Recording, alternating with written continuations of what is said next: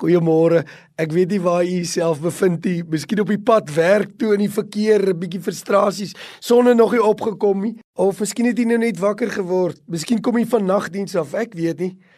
Ek wil hierdie gedeelte Markus 1 net vinnig saam lees. Van Jesus word gesê en vroeg in die môre nog diep in die nag het hy opgestaan en uitgegaan en na 'n eensame plek vertrek en daar gebid. Dis Jesus wat dit gedoen het. Nou onlangs het ek 'n studie gehoor uh oor die radio wat sê dat tieners wat harde musiek luister, jy weet die oorfone en harde musiek uh, van hulle fone af luister, kan nie so ver sien nie. Met ander woorde, wanneer jy die musiek af afsit, dan kan hulle verder sien. Baie interessante studie want die studie se gevolgtrekking is geraas belemmer mense visie. En ek dink so aan Psalm 2 wat sê waarom woel die nasies en waarom raas hulle teen die Here? Ek dink so aan die geraas rond ons almal. Ons woon dikwels, weet jy of in die stad is, maar in die stad is daar gezoom, daar waar ek woon, is 'n gezoom heeltyd van die geraas, die besige lewe is 'n geraas.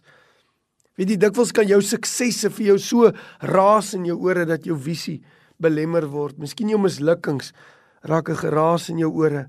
Miskien raak wat mense sê of wat hulle nie sê nie vir jou geraas in jou ore. Miskien jou eie alleenheid stilte kan baie keer na jou toe uitskree geraas. En hier kry ons 'n voorbeeld van wat doen Jesus in sy besigste besige program.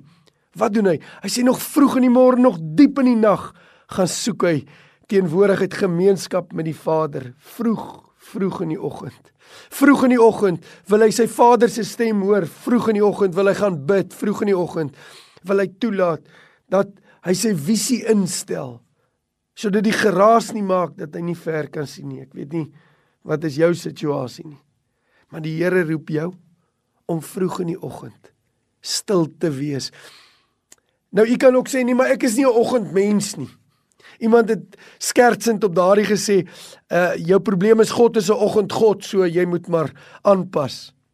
Die Here kan jy na hom toe nader in die aand en in die oggend, maar weet jy daar's iets kosbaar vroeg in die oggend wat die geraas rondom ons stil maak. Miskien wil die Here sê vir die volgende tyd dat jy moet stil word vroeg in die oggend, 'n bietjie vroeër miskien opstaan. Miskien moet jy nie gaan oefen wanneer jy gaan oefen nie.